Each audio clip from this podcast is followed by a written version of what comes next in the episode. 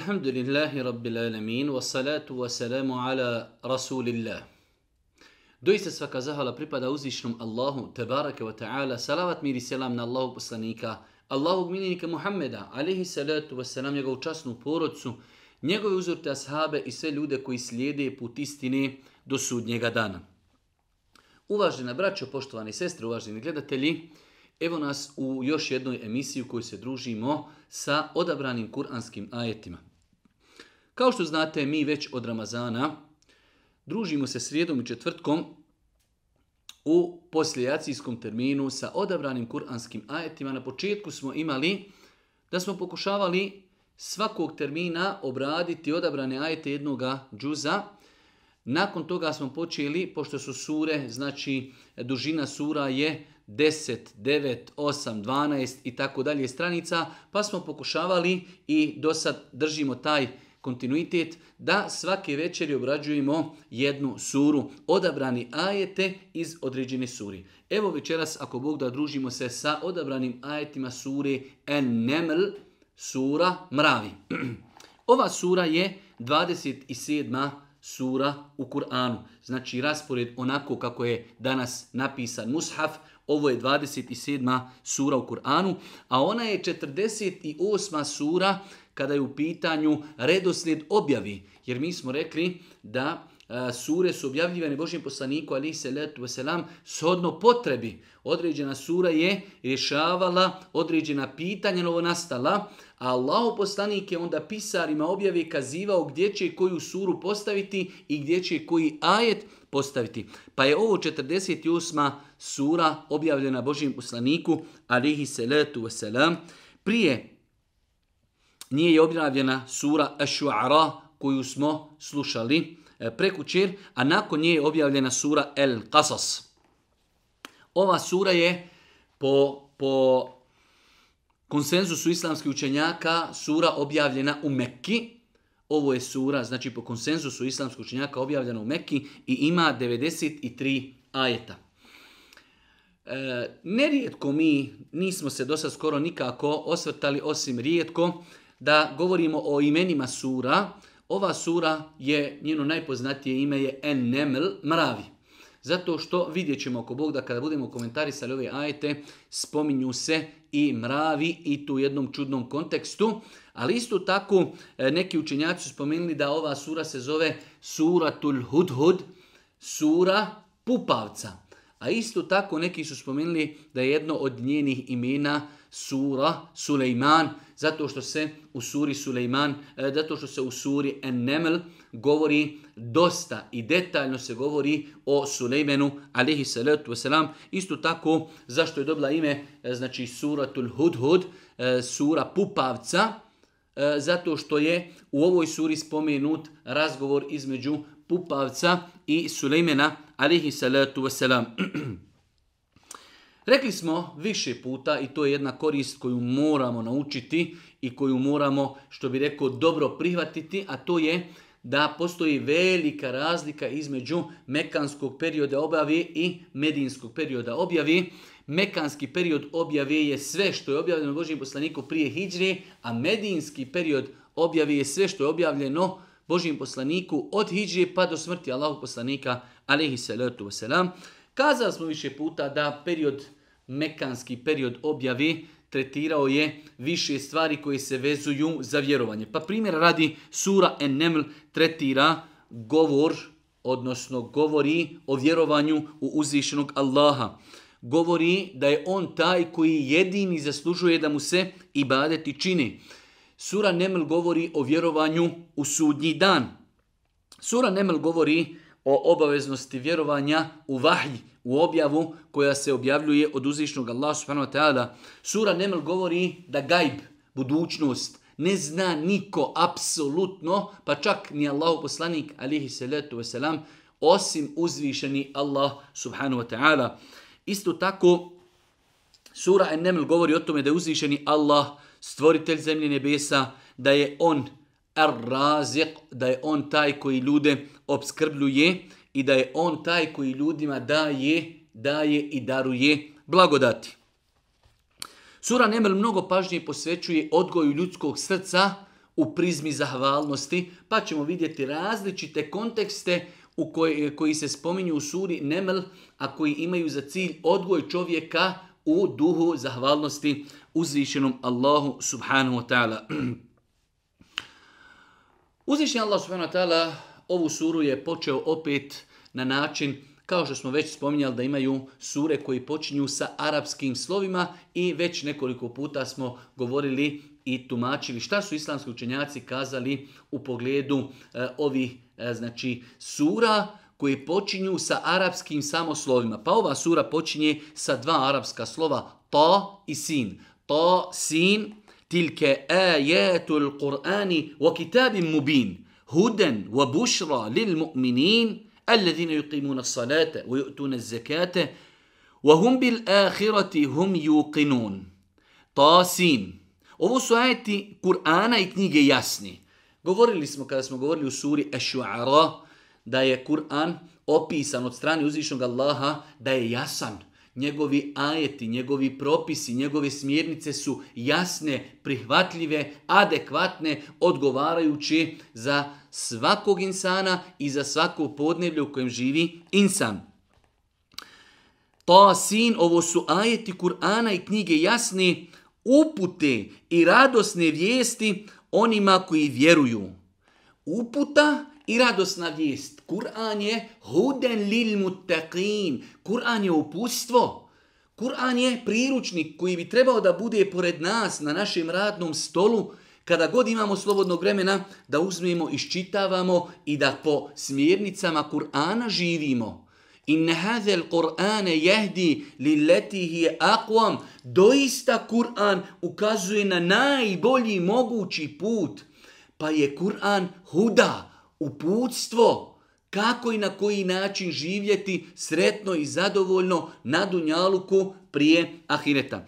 Pa kaže, on je uputa ili upute i radosne vijesti onima koji vjeruju. Kur'an donosi radosne vijesti. Oni koji budu vjerovali, oni koji budu pokorni, oni koji, oni koji budu ostavljali ono što je Allah zabranio, njih čeka nagrada, njih čeka džennet, njih čeka uh, na sudnjem danu, gledanje u lice uzvišnog Allaha, druženje sa vjerovjesnicima, sa poslanicima, sa šehidima i tako dalje. Pa je Kur'an upustvo, ali Kur'an donosi radosne vijesti vjernicima šta ih čeka od nagrada kako na dunjalku, tako i na ahiretu ako ustraju na putu istine i ako budu pokorni uzvišenom Allahu subhanu wa ta'ala. Upute i radosne vijesti onima koji vjeruju – E ko su ti koji vjeruju? To su oni koji molitvu obavljaju i zekijat izdvajaju i koji u onaj svijet čvrsto vjeruju. Tri opisa koji se često spominju u Kur'anu, to su oni koji namaz obavljaju, zekija daju sadaku i u ahiret vjeruju. Pa insan treba, rekli smo više puta, kada se u Kur'anu opisuje vjernik, trebao bi da sebe preispituje. Ja vjerujem u Allaha, vjerujem u sudnji dan. Ima li mene negdje u opisu vjernika onako kako je vjernik opisan u Kur'anu? Pa kaže uzvišeni Allah, الَّذِينَ يُقِيمُوا nas-sala koji namaz obavljaju. Da li mi redovno obavljamo namaz? Da li smo mi sve podrijedili namazu ili ima nešto prioritetnije u našem životu od namaza? Najprioritetnija i najbitnija stvar u životu treba da nam bude namaz. وَيُقِيمُونَ الصَّلَا وَيُؤْتُونَ الزَّكَا Oni zekijat izdajaju.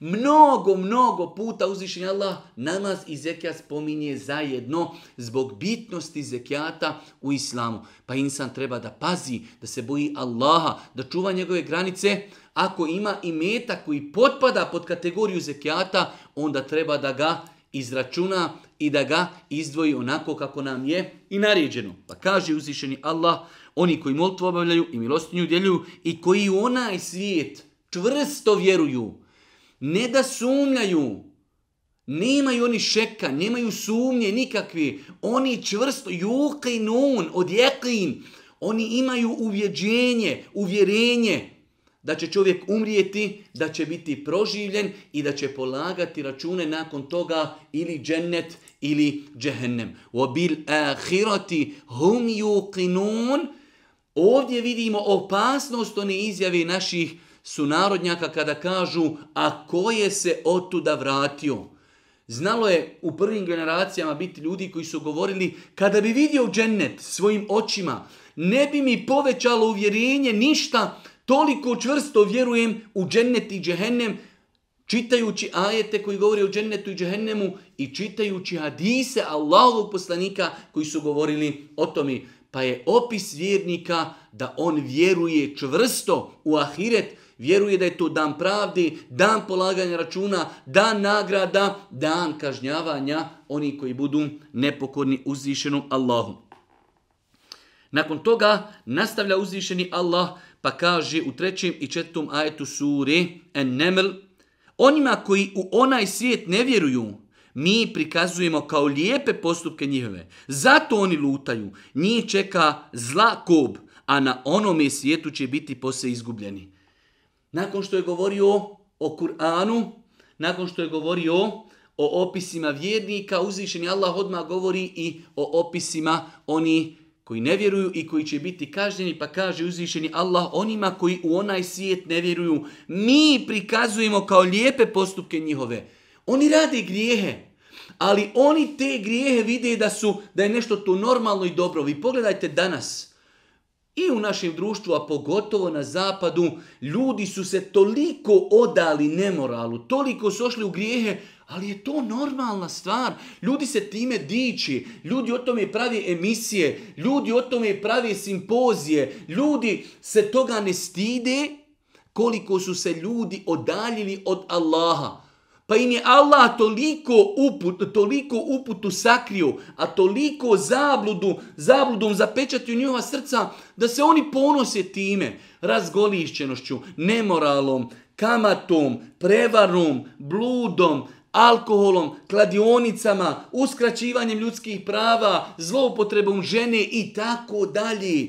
Pa Allah Đelešanu kaže Inna alladhina la yu'minuna bil ahareti zeyjena lehum a'malehum onima koji u onaj svijet ne vjeruju, mi prikazujemo kao lijepe postupke njihove. Ljudi radi grijehe, nešto čega se djeca stide, oni se time ponosi. Ponu, jer ne vjeruju u sudnji dan, ne vjeruju uzvišenog Allaha, kaže uzvišeni Allah. Zato oni lutaju, njih čeka zla kob, a na onome svijetu će biti posve, posve izgubljeni.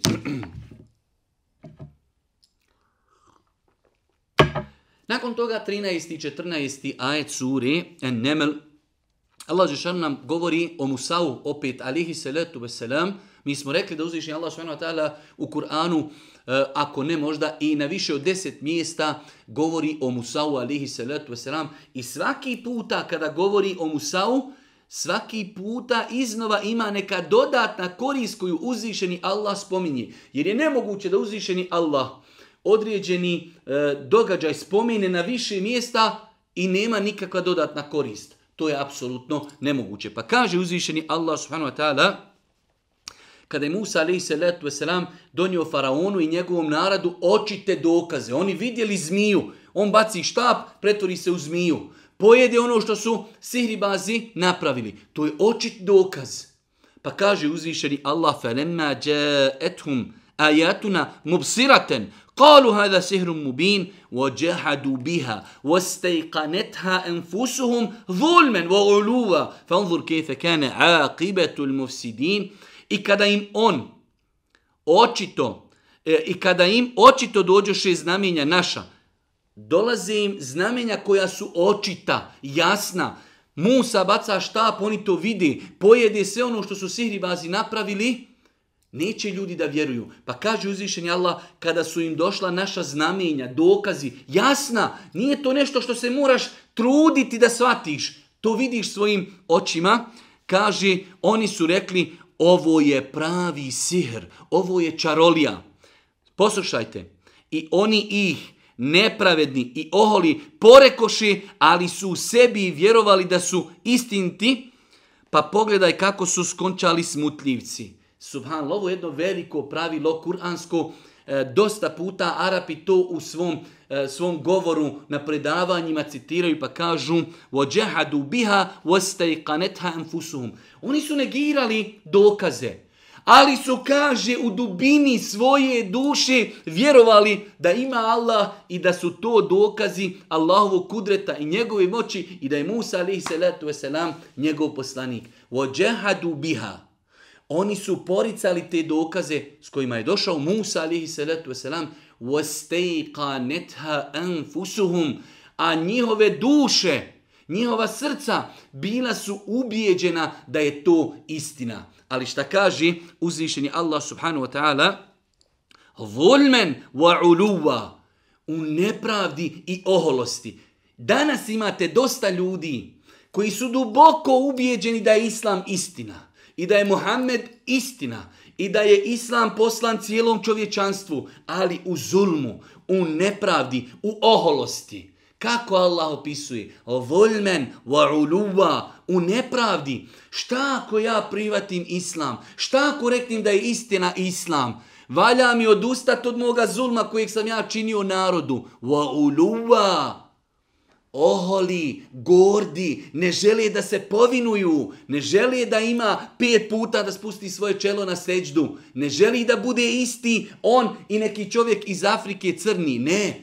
On hoće da bude, da bude on nešto posebno. Pa uzvišeni Allah ovdje daje jedno veliko pravilo. Faraun i njegov narod, Faraun koji za sebe govorio ja sam vaš gospodar, وَجَحَدُوا بِهَا وَسْتَيْقَنَتْهَا أَنْفُسُهُمْ Oni su poricali dokaze, a njihove duše su bile ubijeđene da je to istina volmen wa uluva u nepravdi i gdje?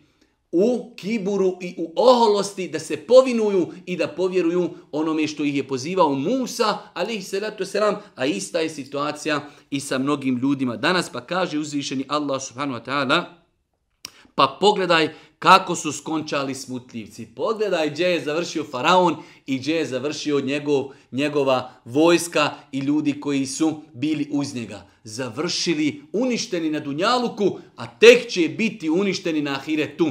Uništeni, potopljeni, pogledaj kako su završili ti smutljivci koji su duboko u srcu vjerovali da je Musa ali i selam na istini, vjerovali u dokaze, ali su ih pred narodom pred narodom poricali, pa je ovo jedan veliki kuranski princip koji, nam, koji nas podučava da ljudi vjeruju, vide, ne žele zbog zuluma, zbog nepravdi, ne žele zbog oholosti da prihvati istinu. Pa insan treba da se pazi ova dva opasna svojstva, da se pazi zuluma i nepravdi i da se pazi kibura i oholosti koji mogu biti razlogom da čovjek odbije prihvatiti istinu.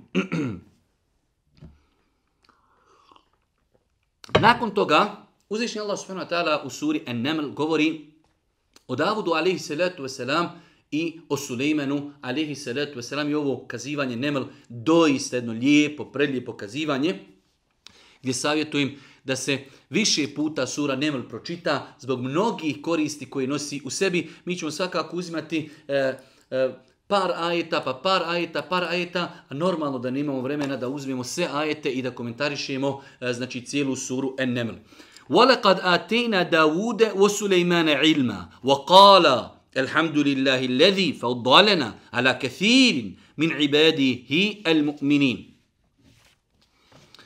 Davudu i Sulejmanu smo znanje dali. Znanje, kažu islamski učenjaci, Allah Žešanu je počastio Davuda alaihi salatu wasalam i Sulejmana da im je dao i znanje, dao im je i nauku, dao im je i vlast, dao im je i poslaništvo. Allahu ekber. Znači, objedinili su i Dunjaluk, objedinili su i Ahiret. Pa kaže uzvišeni, Davudu i Sulejmanu smo da, znanje dali. I oni su govorili, Allahu ekber, poslanici, oni su već posl uzdignuti, poslanstvo imaju, šta su oni govorili? Hvala Allahu koji nas je odlikovo iznad mnogih vjernika robova svojih. Sve su to pripisivali Allahu. Vidjet ćemo da sura en neml podstići na zahvalu Allahu. Sulejman i Davud alihi salatu wasalam zahvaljuju Allahu. Hvala Allahu koji nam je dao nešto što nije dao nikom drugome. On nas je uzvisio nad mnogim svojim robovima. Tako i mi trebamo svakodnevno da zahvaljujemo Allahu. Alhamdulillah. Koliko je danas ljudi koji su gladni, nemaju vode, nemaju kuće, nemaju stana, koji su bolesni, nemaju porodice i tako dalje. A mi, alhamdulillah, imamo kuću, imamo stan, imamo auto, imamo, imamo uh, mjesto gdje radimo i imamo novac, imamo egzistenciju i mnogo toga.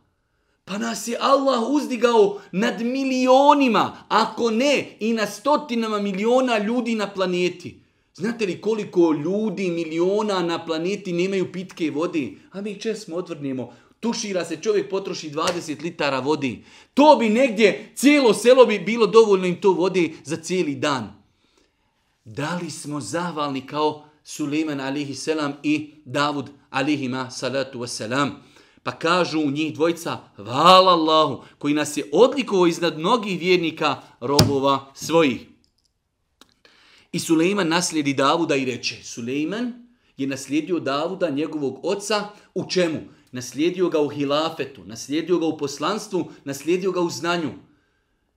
Nije ga naslijedio u imetku zato što je e, Davuda alaihi salatu wasalam imao još djece, A poslanici, inače, kao što je došlo u vjerodostim hadisima, njihovi metak se ne nasljeđuje. Pa ovdje Allah Đelšanu kaže, Sulejman je naslijedio Davuda u znanju, naslijedio ga u mudrosti, naslijedio ga u poslanstvu, znači u tim stvarima. Pa kaže uzvišnji Allah i Sulejman naslijedi Davuda i reče, o ljudi, dato nam je da razumijemo ptičije glasove i sva šta nam je još dato, ovo je zaista prava blagodat. Suleiman alaihi salatu wasalam, Allah ga je e, obdario nečim, kao što kažu mu Fesiri, nečim čime nije nikoga u historiji čovečanstva obdario, to je da je razumio govor životinja.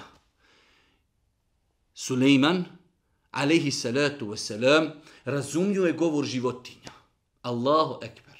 Allah ga je Đelešanu počastio sa mnogim stvarima, počinio mu ljude, počinio mu džine, počinio mu životinje i ne samo da ih je počinio, razumio je govor, razumio je govor životinja, pa kaže Suleiman alaihi salatu wasalam, o ljudi, dato nam je, od koga? Od Allaha, da razumijemo ptičije glasove i sva šta nam još dato, ovo je zaista prava blagodat. Opet tu blagodat on pripisuje Allahom počinje uzvišeni Allah govoriti događaj sa Sulejmanom alejselatu vesselam, a u budućnosti i sa poznatom e, kraljicom tog vremena, vladarom Belkisom. Pa kaže uzvišeni Allah i sakupiše se Sulejmanu vojske njegove, džini, ljudi i ptice, sve četa do četi, postrojeni. I kad stigoše do mravlje doline, jedan mrav reče, o mravi, ulazite u stanove svoje da vas ne izgazi Suleiman i vojska njegova, a da to i ne primijeti. I on se nasmija glasno riječima njegovim i reče, gospodaru moj, omogući mi da budem zahvalan na blagodati tvojoj, koju si ukazao meni i roditeljima mojim i da činim dobra djela, ne, e, i da činim dobra djela na zadovoljstvo tvoje i uvedi me milošću svojom među dobri robove svoje. Allahu ekber. Allah Đeršanu govori, kako je Suleiman alihi salatu wasalam krenuo u pohod sa svojom vojskom. Ljudi, džini, životinje, čete, Navode mu Fesiri mnogo toga u ovoj priči, a ja ne želim da se vezujem za te stvari. Mi stvari e, znači gledamo samo onako kako ih je Kur'an spomenuo, jer mnogo puta se u tefsirima, pogotovo kad su u pitanju ovakve stvari koje nije pojasnio Allah poslanik, znači citiraju se i spominju se pre, predaje e, iz Izraelijata, što je i tekako, znači, e, i tekako sporno. pa kaže uzvišeni Allah subhanahu wa ta'ala, Pa kada stigoše do mravlje doline, jedan mrav reče, O mravi, ulazite u stanove svoje da vas ne izgazi Sulejman i vojska njegova, a da to oni ne primijete. Ovdje uzvišeni Allah jasno daje do znanja da životinje govori. Pa je rekao, kalet nemle, rekao je mrav drugim ljudim, drugim mravima, ulazite, evo ide vojska, ide Sulejman, idu i ljudi, i džini, i životinje, pregazit će vas, uništit će vas, ubit će vas, Ali opet on kaže, možda neće to uraditi zlonamirno. Ne osjećaj, vi ste malehni, hodat će po vama, bježite, sklonite se dok vojska prođe. Allah to spominje da bi ovdje spomenuo Sulejmana kako je zahvaljivao Allahu na tome što on to razumije. Pa kaže, i on se nasmija glasno riječima njegovim i reče. Nasmija se Sulejman glasno riječima tog mrava. Kako je mrav bio... Uh, živio je za društvo svoje, kolegijalan, koristan član društva. Mogao je reći, evo ide Sulejman, idem se ja sklon da mene ne ubiju. Ne, pozvao je sve druge mrave, bježite, sklonite se, ide Sulejman sa svojom vojskom da vas ne pregazi. Sulejman kada je to čuo, nasmijao je se glasno, ali šta kaže? Kaže Sulejman, ali se rato sa nam, gospodaru moj, omogući mi da budem zahvalan na blagodatima tvojim. Olakšaj mi, olakšaj mi, euzi'ni en eškura ni'ameteke leti en amte alej wa ala validej. Gospodaru, omogući mi, olakšaj mi, uputi me da ja zahvaljujem tebi. Ja sam jedini čovjek u historiji čovječanstva koji razumije govor životinja. Allahu Ekber, takav jedan velikan kojim je bio počinjen vjetar i džini, i ljudi, razumije životinje šta govori, opet se vezuje za Allaha. Pogledajte danas, čovjek ima benzinsku, ima hotel, malo mu krene biznis, ne može sa njim pričat. A Suleiman alihi salatu wasalam, Allah mu dao vlast na zemlji kakvu niko prije njega nije imao, ali opet se vezuje za Allaha. Zahvaljuje Allah, ja rab, olakšaj mi da budem, da budem tebi zahvalan. i učini da radim dobra djela na zadovoljstvo tvoje i uvedi me milošću svojom među dobri robove se. Uvedi me milošću. Allahu ekber. Suleiman alaihi salatu wasalam, iako je imao tolike dunjaličke privilegije, opet je svjestan. U džennet se ne može osim Allahovom milošću. Allahu poslanik je kazao jednom vjerodostojnom hadisu, niko neće u džennet ući svojom zaslugom. Kažu ashabi, hata ente ja Rasulallah, niti, nija, osim ako me Allah uzme u okrilje svoje milosti. Da, mi smo pokorni Allahu. Pokornošću tražimo njegovu milost, ali nemoguće da mi uradimo dobra djela zbog kojih ćemo mi biti u džennetu. Mi ćemo uraditi dobra djela, biti pokorni Allahu kako bi pridobili njegovu milost, a zbog njegove milosti ćemo ako Bog da ući u džennet. Pa Sulejman a.s. traži od Allaha milost, da ga njegovu milošću uvede u njegove odabrani robove. Nakon toga dolazi do razgovora između Sulejmana a.s. i ptice pupavca El Hudhud. Dolazi Hudhud iz nepoznatih predjela, i donosi Sulejmanu alejhi salatu ve selam vijest pa kaže Inni wajadtu imra'atan tamlikuhum wa utiyat min kulli shay wa laha 'arshun 'azim وجدتها وقومها يسجدون للشمس من دون الله وزين لهم الشيطان أعمالهم فصدهم عن السبيل فهم لا يهتدون ألا يسجدوا لله الذي يخرج الحبأ في السماوات والأرض ويعلم ما tuhfune wa ma tu'linun. Allahu la ilaha illa hu, rabbul arshil azim. Kaže, Allah Žešan nam prenosi razgovor između ptice, pupavca i između Sulejmena, ali sam. Pa kaže, ptica Sulejmenu, vidio sam da jedna žena njima vlada. Bio sam u jednom dalekom mjestu, u današnjem Jemenu, a Suleiman Ali Selam je živio na prostorima današnje Palestini. Daleko je to. Pa kaže pupavac, Vidio sam da jedna žena njima vlada i da joj je svega i svačega dato, a ima i prijestu veličanstven. Našao sam jednu novu civilizaciju, našao sam jedno novo kraljevstvo, njima upravlja i vlada žena. Ima svega, bogata je, a ima veliki prijestu. Mnogo je toga u knjigama Tefsira spomenuto u opisu ovog njenog prijestolja, ali je nama bitno u Kur'anu stoji da je to Aršun Azim, veliko prijestolje. Pa kaže, vidio sam da se i ona i nje, narod njezin, suncu klanjaju, a ne Allahu. O, to je problem. Kaže, ptica, Allahu ekber. Ja sam, kaže, vidio, dok sam bio tamo, vidio sam da oni klanjaju se i robuju suncu, a ne Allahu. To je prva stvar. Ptica shvatila da ono što radi je greška. Kaže, oni se ne klanjaju Allahu, oni se klanjaju suncu. Druga stvar, kaže وَزَيَّنَ لَهُمُ شَيْطَانُ أَعْمَالَهُمْ Šeitan im je prikazao lijepim postupke njihove. Allahu ekber. Allahu ekber. Ptica svata da je šeitan ljudima uljepšao lijepe postupke to što oni robuju suncu. Šeitan ih odveo od pravog puta. Tako i danas kada vidite razgoličenost kada vidite nemoral, kada vidite drogu, kada vidite kamatu, kada vidite kladionce, kada vidite koride. Šeitan je to ljudima uljepšao. Jedan od načina zavođenja ljudi jeste uljepšavanje. Žena stani pred ogledalo, pola sata se sređuje prije nego što iziđe iz kuće šetanju je uljepšao taj njen izlazak. Umjesto treba da nosi mahramu, treba da bude u širokoj odjeći u džilbabu, ona se pola sata sređuje za ulicu. Šetanju je uljepšao njene postupke. Pa kaže ova ptica, Allahu Ekber, oni kaže robuju suncu, a ne Allahu. Šeitan im je to uljepšao i od pravoga puta ih odvratio te oni ne umiju naći pravi put pa da se Allahu klanjaju. Allahu ekber. Kaže, šeitan je odveo od pravog puta, ne znaju da nađu pravi put pa da budu pokorni Allahu. I sve govor ptice. La haule wa la kuvata illa billa. Mi danas vidimo ptice, hajde da kažemo, letaju oko nas, da su te ptice pametnije i razumnije i svataju mnogo više nego što svata stotine miliona ljudi danas. Danas imate stotine miliona ljudi koji ne vjeruju u Boga. Toliko oko nas dokaza sunce, zemlja, nebesa, oblaci, planine, rijeke, ljudsko tijelo, kako funkcioniše, ljudi ne vjeruju.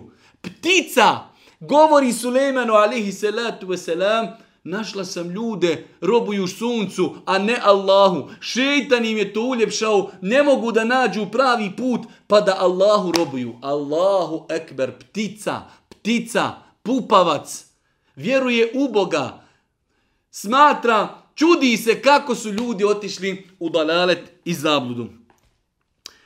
Pa se kaže, oni Allahu ne klanjaju, a on Allah, on je taj koji izvodi, ono što je skriveno na nebesima i u zemlji i koji zna ono što krijete i ono što javno iznosite. Allah je, nema Boga osim njega, gospodar Arša veličanstvenog. Pečatovim ajetima Allah je, nema Boga osim njega, on je gospodar Rabbul Aršil Avim, on je gospodar veličanstvenog prijestolja.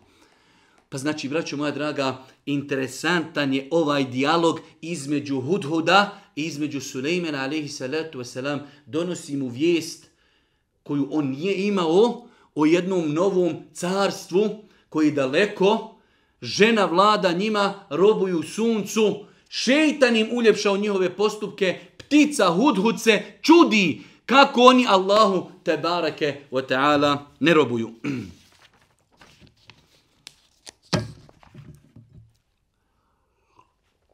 Nakon toga Allah Žešanu spominje da se Suleiman a.s. odlučuje da pošalje pismo toj ženi koja vlada u to vrijeme Jemenom, koja se zvala po mišljenju velikom broju mufesira, tako spominju, Belkisa. Da je se zvala Belkis. Da je se, znači, e, živjela je na prostorima današnjeg Jemena, jedno veliko carstvo, jedna velika kraljevina, ona je vladala tim narodom, Pa kada joj je došlo to pismo od Sulejmana alaihi salatu wasalam, Allah Žešan nam prenosi taj njen razgovor, dijalog sa njenim narodom, što nam je mnogo interesantno. Kalet ja ejuhel melev eftuni fi emri, ma kuntu qati'atan emra hatta tešhedun. O velikaši, reče ona, savjetujte mi šta, šta trebamo u ovom slučaju rati. Ja bez vas neću ništa odlučiti. Pazite, u islamu je došlo da žena ne može da bude e, vrhovni vođa muslimanima. Iako ova žena, kako je spominje, Kur'an je bila izuzetno pametna i pronicljiva. Kada je došlo, došlo pismo od Suleimana alihi salatu wasalam, želeći da svoj narod pripremi ako treba ne i ratovati, željela je da čuje njihovo mišljenje. Jer jedno, kada ljudima nešto narediš, ljudi, E, mnogo teže to prihvate, ali kada im kažeš, hajde da se konsultujemo, daj da vidimo šta ćemo, kada i ljudi učestvuju u donošenju odluke, onda su oni mnogo spremniji da brane tu odluku. Pa ona je bila pronicljiva i pametna. Pa kaže ona, o velikaši, reče ona, savjetujte mi, šta trebam u ovom slučaju rati, ja bez vas neću ništa odlučiti. Savjetovanje iz ovog ajeta, mi učimo jednu veliku korist. Čovjek, vjernik, musliman treba u svakodnevnom životu da se konsultuje sa ljudima, ljudima koji su stariji, ljudima koji su ugledni, ljudima koji imaju više iskustva, sa ljudima iz struke. Kažu islamski učenjaci, kada se konsultuješ sa ljudima, od njih uzimaš, dobivaš besplatno ono što je njih koštalo izuzetno mnogo. Čovjek preneseti svoje iskustvo, a njega je to mnogo koštalo, a on ti to dadne besplatno. Pa vidimo da ova žena u to vrijeme koja je vladala Jemenom Belkisa, da je bila pametna, da je bila pronicljiva, konsultuje se sa narodom šta ćemo. Sulejman alaihi salatu wasalam, nemoguće se boriti protiv njega. Ima na svojoj strani i ljude, i džine, i ptice, i životinje. Apsolutno nemoguće. Pa kažu njeni velikaši, mi smo vrlo jaki i hrabri, rekoše oni. A ti se pitaš, mi što se tiče nas, jaki smo i hrabri. A ti se pitaš, ti odoku donosiš, pa gledaj šta ćeš narediti. Kaže ona opet pronicljivo. Kada carevi, kraljevi, vojskovođe osvoji neki grad, reče ona, oni ga razori, a ugljedne stanovnike njegove učine poniženim. Eto tako i ovi će uraditi ona njima navodi jedno historijsko pravilo. Nemoguće se, znači, odbraniti Sulejmanu i njegovoj vojsci. Nemoguća misija. Ona kaže, historijski je dokazano. Kada ljudi, vojska dođu u neko mjesto, kada ga osvoji, oni to poruši, a oni najuglednije ljude, njih poniženim, njih poniženim naprave i kaže, a ugledne stanovnike njegove učine poniženim. Eto, tako i oni rad, tako će i oni uraditi. Hajde da budemo pametni, da ne dopustimo da oni dođu, pa da sruše sve i da porobe, i da porobe sve. Poslaću im jedan dar i vidjet ću sa čime će se i zaslanici vratiti. Nama je bilo interesantno da spomenemo ovdje njenu pronicljivost, kako je zrelo razmišljala kada je u pitanju e, ovo novo nastala situacija, da je konsultovala ljude. Mi svega toga treba da shvatimo u životu kada hoćemo donijeti krupne odluke da se konsultujemo. Ako želimo e, e, informatiku, onda se konsultujemo sa informatičarima. Ako je pitanje iz medicine, sa doktorima, ako je pitanje hrvitakture i tako dalje konsultujemo se sa starijim, iskusnim, sa ljudima iz struke i onima koji su povjerljivi i samo ćemo mi od toga korist imati, dobit ćemo od ljudi besplatno ono što su oni i tekako skupo platili. Nakon toga uzvišenja Allah subhanahu wa ta'ala govori nam u sljedećim ajetima opet nova scena, Suleiman alaihi salatu wasalam, kada je čuo da oni dolazi, dolazi e, kod njega u posjetu, traži od ljudi, odnosno i džina i šetana i ljudi koji su bili kod njega, ko će mu doniti taj njezin prijestol. Oni sad putuju iz Jemena prema njemu, ali on tijelo da je iznenadi da ona svoj prijestol nađe kod njega, da joj dokaži kakvu on moć ima čime ga je Allah sve počastio, samo kako bi ona povjerovala u Allaha. Kažu islamski učenjaci, jedan od razloga zašto je on tražio od znači, e, ljudi koji su bili oko njega, i džina, i šetana, i životinja, da mu donesu njen prijesto, da bi on njoj pokazao veličinu svoje moći i vlasti koju mu je Allah dao. Pa kaže Suleiman alaihi salatu wasalam, o dostojanstvenici, ko će mi od vas donijeti njezin prijestup prije nego što oni dođu da mi se pokori? Oni su krenuli. Pregovori, hoće da se pokori, be, da se pokori su na imenu bez borbi. On hoće da iznenadi da ona vidi njen taj veliki prijestup kojim se govori da ga nađe kod njega. Pa kaže, ja ću ti ga donijeti, reče Ifrit, jedan od džina, prije nego iz ove sjednice svoje ustaneš. Ja sam zato snažan i pouzdan. Znači, jedan džin, Ifrit, pazite, Palestina, Jemen. Kolika je mogućnost džina, ja ću ga, kaže, donijeti prije nego što ustaniš sa tog svog mjesta. E, mnogo toga su čenjaci spomenuli šta znači prije nego što ustaniš sa svog mjesta, ali bez obzira šta god da znači, da li to znači, kaže, ti sada ljudima sudiš, došli su ljudi na suđenje, pa dok ti to završiš, dok ustaneš, mi ćemo ti to donijeti ali to opet brzo. Kolika je razdaljina, znači stotine kilometara, donijet ćemo ti ga dok ti ustaniš. Ali pogledajte nešto još fascinantnije. Kaže, a ja ću ti ga donijeti. Reče onaj koji je učio iz knjige. Aha, ima neko ko uči, iz knjiga uči. Kaže, ja ću ti ga donijeti prije nego što okom trepniš. Allahu ekber, kako je Kur'an lijep kako nam Kur'an govori o različitim stvarima i činjenicama. Historija Sulejmana alihi salatu wasalam, kao da čovjek gleda film, razgovor o Sulejmana sa džinima i šeitanima, ljudima oko njega, dolazi delegacija sa Belkisom da se pokori, razgovaraju, ko će mi, kaže, donijeti njeno prijestolje? Kaže Ifrit, ja ću ti ga donijeti prije nego što ustaneš. A rekao je onaj, nije rečeno ko je, je li čovjek džin ili ništa. A rekao je onaj koji imao znanje iz knjige, ja ću ti ga donijeti prije nego što trepniš. Dok je on to izgovorio, Suleiman trepnuo, njeno prijestolje se nalazi pred njim. Allahu ekber. Pa kaži, a ja ću ti ga donijeti, reče onaj koji uči iz knjige, prije nego što okom trepniš. I kad Suleiman vidi da je prijestol već pored njega postavljen, uzviknu. Pogledajte Sulejmena, alihi salatu wasalam, njegove veze sa gospodarom.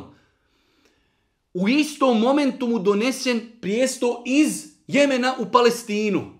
Prva stvar koja mu je pala šta? Da je to Allahova blagodat. Da mu je toliko sve počinjeno, pa kaže Suleiman alaihi salatu wasalam, ovo je blagodat gospodara moga, koji me iskušava da li ću zahvalan ili nezahvalan biti. A ko je zahvalan, u svoju korist je zahvalan, a ko je nezahvalan, pa gospodar moj je neovisan i plemenit. Allahu ekber. Kaže, ovo je iskušenje. Danas imate ljudi, ima para, i metak, zdravlje, auto, porodica. Nikad mu ne pada na pamet da kaže, ovo je meni iskušenje da vidim kako ću. Ma ne, idemo na more, idemo u kladionicu, idemo u harame, idemo droga, idemo alkohol, razgoličenost. Suleiman alaihi salatu wasalam, vladar kakvog historija nije zapamtila, donose mu, donose mu veliki prijestol iz Jemena u Palestinu u bremenu dok je samo trepnu očima, kaže ovo je Allahova blagodat prema, nemi, prema meni, da me iskuša kako ću se, kaže ja, ponašati, a pazite, ovo je veliko pravilo, kaže Suleiman alaihi salatu wasalam. A ko je zahvalan, u svoju korist je zahvalan. A ko je nezahvalan? Pa gospodar moj je neovisan i plemenit. Insan kada je zahvalan Allahu, prvo živi sretno i zadovoljno. Druga stvar, on je položio ispit. On je položio ispit dunjalučki, Allah mu dao na faku, dao mu auto, dao mu mobitel, dao mu laptop, dao mu porucu, dao mu stan i on to sve koristi na halal način. Znači čovjek nije pao, položio je ispit za razliku od onog drugog kojim Allah, kojim Allah sve to dadne, kuću koristi na haram, auto u haram, mobitel u haram, imetak u haram, ljepotu i tijelo u haram. Kaže Suleiman alaihi salatu selam, a ko je nezahvalan, pa gospodar moj je neovisan. I uzvišeni Allah nije ovisan o nama. Mi možemo svi biti zahvalni, to Allahu ništa ne znači. Možemo biti svi nezahvalni, samo na svoju štetu. Sve zato ćemo biti pitani na sudnjem danu. Pa nas Suleiman alihi salatu wasalam u ovim događajima uči velikim stvarima. Iako si kralj, iako imaš blagodati, zahvaljuj Allahu. To je ispit. Ejukum ahsenu amela. Mi smo ih stvorili da vidimo ko će se od njih bolje i ljepši ponašati na Dunjaluku. Kada su Govorili sam s učenjaci u tefsiru, e, znači rekli smo da je jedan ifrit, džin, rekao je ja ti donijet prijesto Belkisim prije što ustaneš. Rekao je, kaže, onaj. Ko je onaj? Oni čak kažu da je to bio čovjek. Velika većina mu fesira kažu da je to bio čovjek, ali je bio pobožan, dobar, bogobojazan, znao je dovu znao je dovu u kojoj se krije Allahovo lijepo, najveličanstvenije ime, s kojim kada zamoliš Allaha, on ti to odmah ispuni. Pa je on uputio dovu Allahu, zbog svoje bogobojaznosti i zbog svoje dobroti, pa mu je Allah uzlišao dovu da je odma prijesto se stvorio pred Sulejmanom, alihi salatu wasalam, iako to nije pojašnjeno Kur'anom, ali velika većina mu fesira je rekla da je to bio čovjek.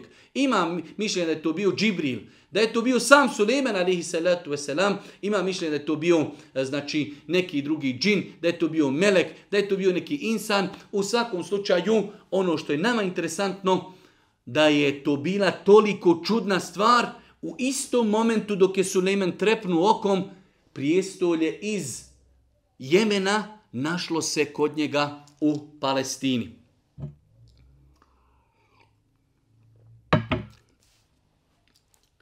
Nakon toga, jedan novi, jedan novi, jedna nova scena.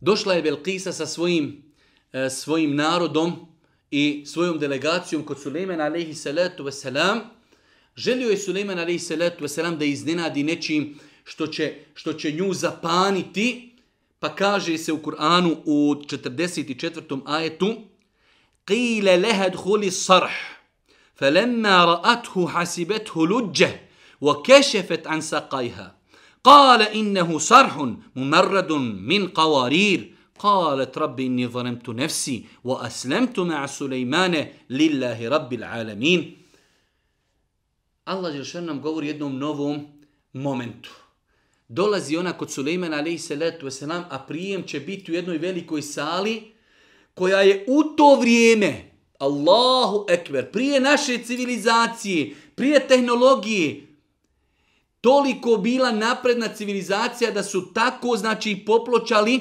popločali su e, salu koju će biti prijem Sulejmena i Belkise, da je to toliko bilo uglačano da ona kada je to vidjela misle da je voda. Treba da krođe kroz vodu da dođe do Sulejmena. Pa je zagrnila svoju odjeću misleći da je to voda. Šta mislite u to vrijeme te civilizacije? Pa kaže, uđi u dvoranu, bio je reče. I kada ona pogleda, pomisli da je to duboka voda, da je more, pomisli da je voda, pa zadiže haljinu u svoje noge svoje. Ovo je dvorana uglačanim stakom poplaćana. Allahu ekber Suleyman, Allahu ekber. Halo, pogledaj kakvu mi imamo civilizaciju. Misliš ti da je to voda? Ne, to je staklo uglačano i ova sala je poplaćana, poplaćana sa staklom ovo je dvorana uglačanim staklom popločana, reče on, Sulejmen. Gospodaru moj, uzviknu ona, ja sam se prema sebi ogriješila i u društvu sa Sulejmanom predajem se Allahu, gospodaru svjetova, eslemtu, primila sam islam, pokorila sam se zajedno sa Sulejmanom komi Allahu sejiši. Pogledajte, uh, koliko je bila pronicljiva ta žena da je odma svatila veličinu Sulejmena alejselam, veličinu njegove moći i ono čime ga je Allah obdario, završena stvar. Kada je vidjela tu civilizaciju, kada je vidjela tu moć, kaže, ja sam zulum i nepravdu sebi učinila, mi se tamo klanjamo suncu. Ja sam eslemtu, primam islam i pokoravam se zajedno sa Sulejmenom uzvišenom Allahu subhanahu wa ta'ala. Pošto nemamo mnogo vremena, prelazimo na drugi dio suri e, u kojem uzvišnji Allah subhanahu wa ta'ala opet govori o nekim poslanicima, pa govori o Salihu a, alaihi salatu wasalam, pa kaže wa mekaru mekran, wa mekarna mekra, wa hum la yash'urun fanzur kayfa kana 'aqibatu makrihim inna damarnahum wa qaumahum ajma'in I smišljali su spletke ljudi iz znači naroda e, Salihovog, Femud, bila je jedna skupina ljudi koji nisu povjerovali u, u Saliha, alihi salatu wasalam, pa su oni pravili spletke. Pa kaže Allah, i smišljali su spletke. A i mi smo i smišljali, a oni to nisu osjećali. Pa pogledaj kakva je bila posljedica spletkarenja njihova. Oništili smo sve, i njih, i narod njihov, eno kuće njihove, puste su zbog nepravde koju su činili. To je zaista pouka narodu koji zna, a spasili smo one koji su vjerovali i koji se grija klonuli. Allahu Ekbar. Kaže, oni su spletkarili, ali mi smo mi s njima spletkarili, ali oni to nisu osjetili. Ali pogledaj kako je završilo njihovo spletkarinje. Uništeni oni i uništen njihov narod. Eno njihove nastambe. Nikad više nakon njih, niko nije tio tu da stanuje. Tu je živio narod koji je uništen. Zbog čega, kaže uzvišeni Allah subhanahu wa ta'ala, tilke bujutuhum hawijeten bima valemu. To su njihove kuće prazne, bima valemu, zbog nepravdi, zbog zuluma. Čuvajmo se svi zajedno zuluma i nepravdi. Od najvećeg zulma na, na, na nivou svjetskom i na nivou državi do nižih nivoa firma, direktor, šef, porodica, kuća, otac, supruga, djeca, nema zuluma u islamu. Kaže Allahu poslanik u onom vjerodostojnom hadisu El Kutsiju da je Allah Žešanu rekao Inni haramtu zulme ala nefsi ođealtuhu muharramen bejnekum Ja sam, kaže uzvišnji Allah, sebi zulum zabranio i učinio sam ga zulum među vama zabranjenim. Pa je zulum i nepravda bio razlog da je uzvišeni Allah uništio narod.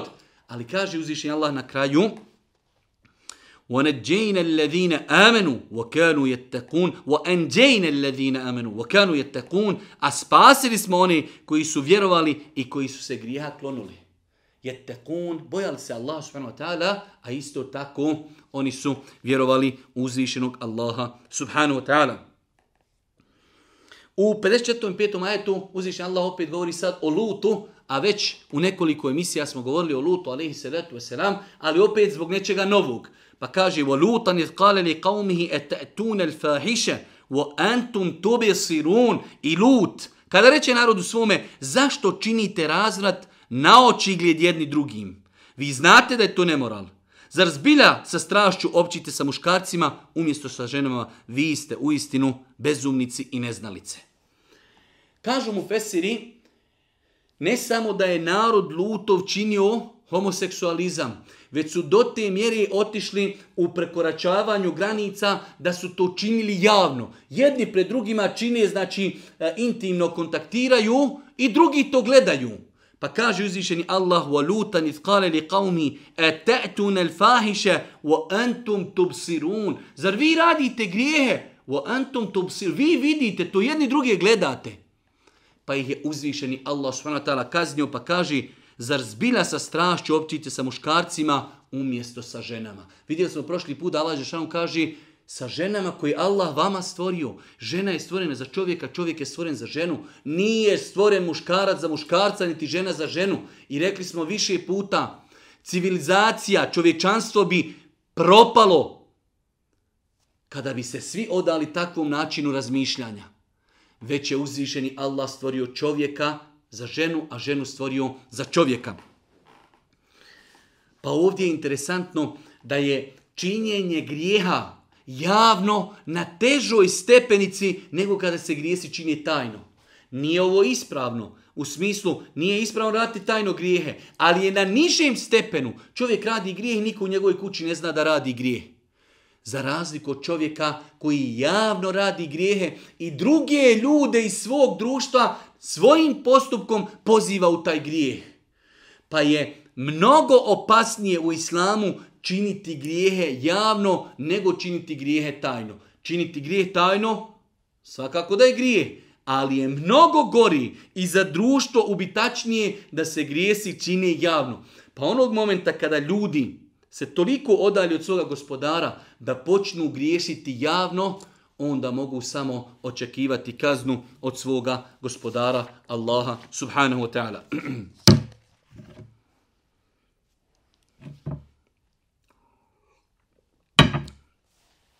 U 61. pa do 63. ajeta uzvišen Allah Đelšanu govori o svojoj veličini i govori da ne postoji niko drugi koji zaslužuje da mu se robuje osim on.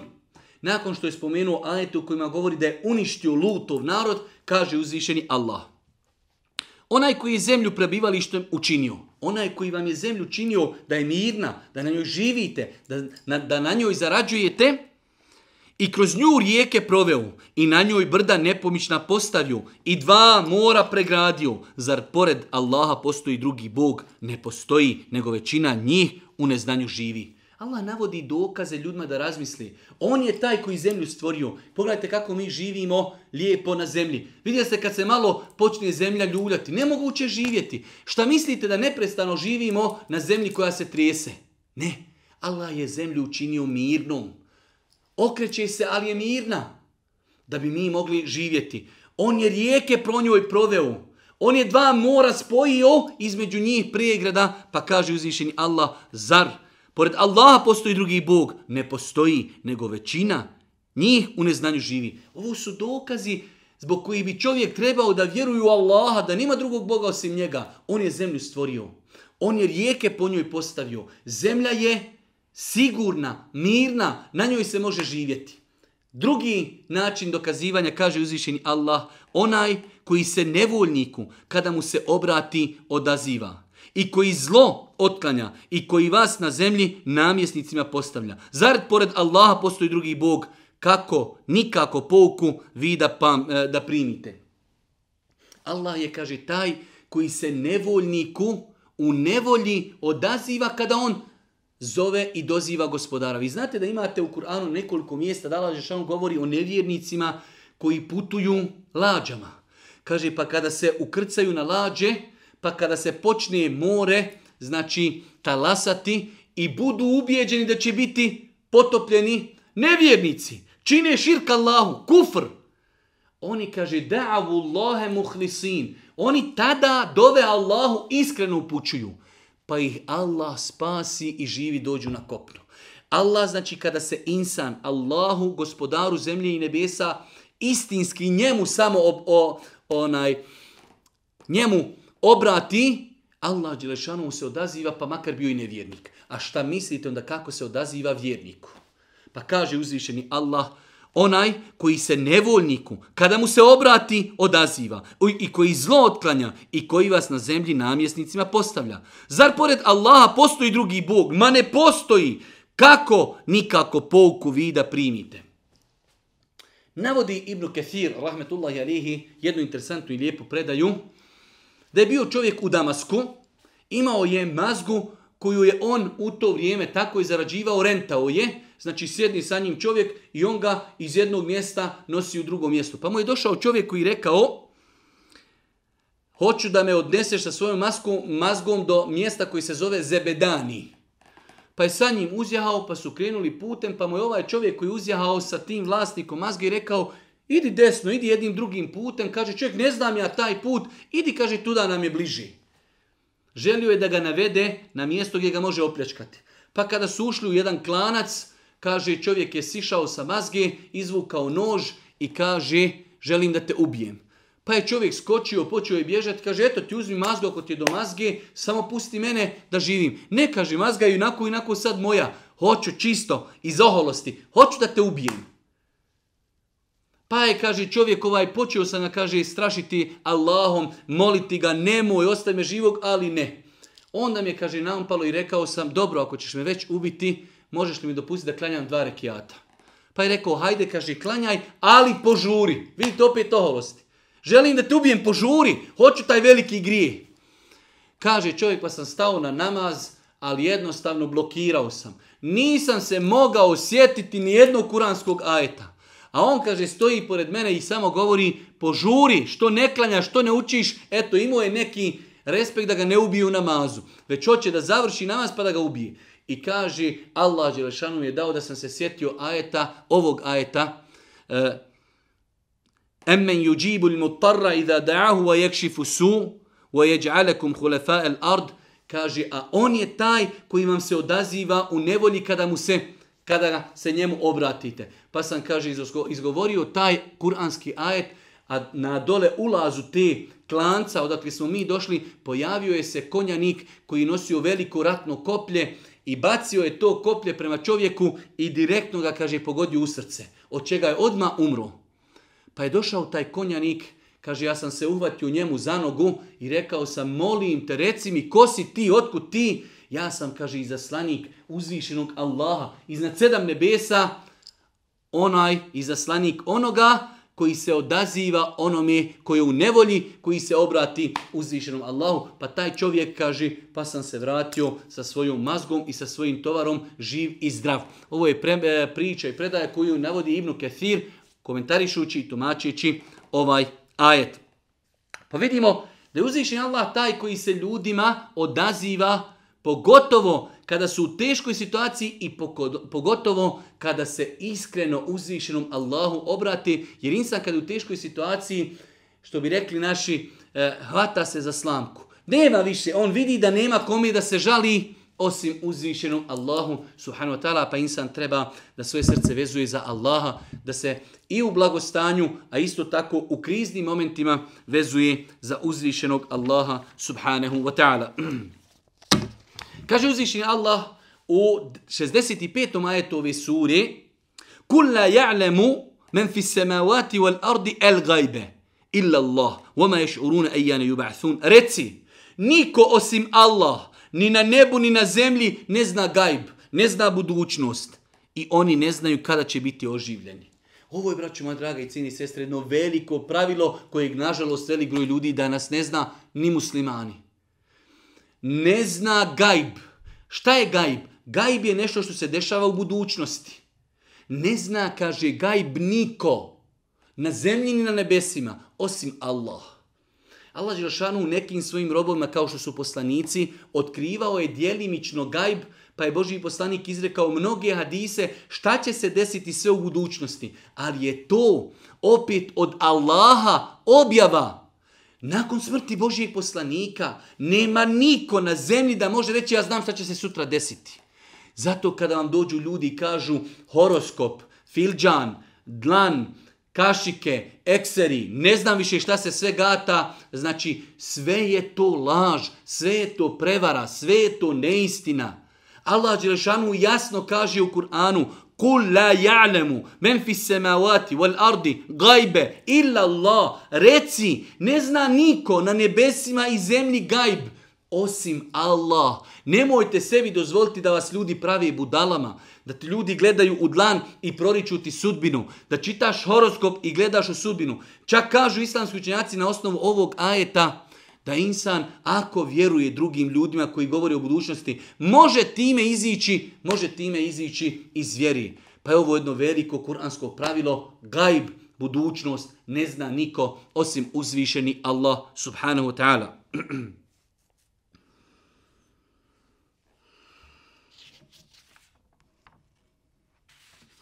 Posljednja dva ajeta koja ćemo evo komentarisati u današnjem druženju. 88. Eh, ajet kaže uzvišeni Allah wa tara al-jibala tahsabuha jamida wa hiya tamurru marra sahab sun'a Allahi alladhi atqana kulla shay innahu khabirun bima taf'alun ti vidiš planine i misliš da su nepomične a one promiču kao što promiču oblaci to je Allahovo djelo koji je sve savršeno stvorio on doista zna ono što radi ono što vi radite. On zna ono što vi radite. Ovaj kuranski ajet ukazuje na veličinu uzvišenog Allaha subhanahu wa ta'ala. Velika većina mu fesira, kaže se ovaj ajet odnosi na vrijeme predsudnji dan. Kada će se, kada će se znači, desiti velike, velike kosmičke promjene, od kojih će biti i promjene znači, na planinama, e, pa kaže uzvišeni Allah, ti vidiš planine i misliš da su nepomične, Doći će vrijeme kada će one biti pomične, a one promiću kao što promiću oblaci. To je Allahovo dijelo koji je sve savršeno stvorio. On doista zna ono što radite. To je Allahovo dijelo. Allahovo dijelo su planine, Allahovo dijelo su rijeke, kosmos, zvijezde, planete, galaksije, insan, insan. To je Allahovo dijelo, ali kakvo? Savršeno Allahovo dijelo. Pogledajte svako jutro kako sunce precizno izlazi, kako precizno, zala, precizno zalazi, kako zemlja kruži i tako dalje. Po nekim učenjacima, iako se neki opet drugi učenjaci to mi prigovorili, ovaj ajet potvrđuje kretanje zemlji. Može se, Može se iz ovog ajeta to i zaključiti, ali opet kada su u pitanja ta, hajde da kažemo, e, savremeni, tumači, e, savremeni načini tumačenja Kur'ana, čovjek treba biti osjetljiv. Kako ne daj Bože nešto ne bi rekao, e ovaj ajet potvrđuje određenu stvar, nakon toga da ljudi shvate, e to što smo mi bili otkrili je netačno i Kur'an je netačan. Ovaj ajet prvenstveno govori o e, znači, veličkim, velikim kosmičkim promjenama prije sudnjeg dana, ali indirektno se iz njega može zaključiti, iako mi vidimo planine da su čvrste stoje, one se u osnovi kriječu zajedno sa zemljom. Može se to tako shvatiti i ako Bog da nema u tome ništa, nema u tome ništa loše. Kaže, ti vidiš planine i misliš da su nepomične, a one promiču kao što oblaci promiču.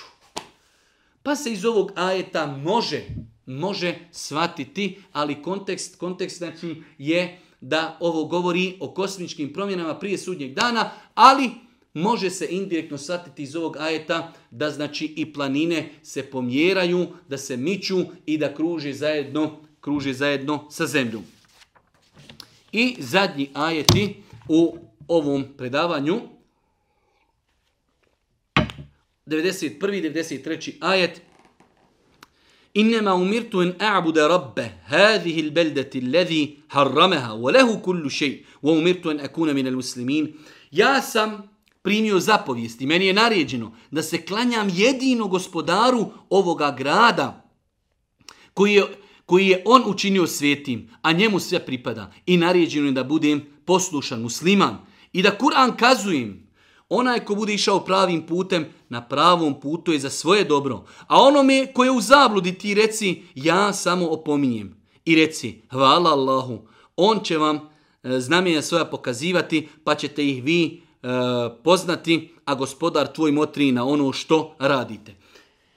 Allah Žešanu objavljuje Božijem poslaniku da rekne ljudima, ja sam dobio naređenje da se klanjam jedino Allahu, gospodaru Mekke.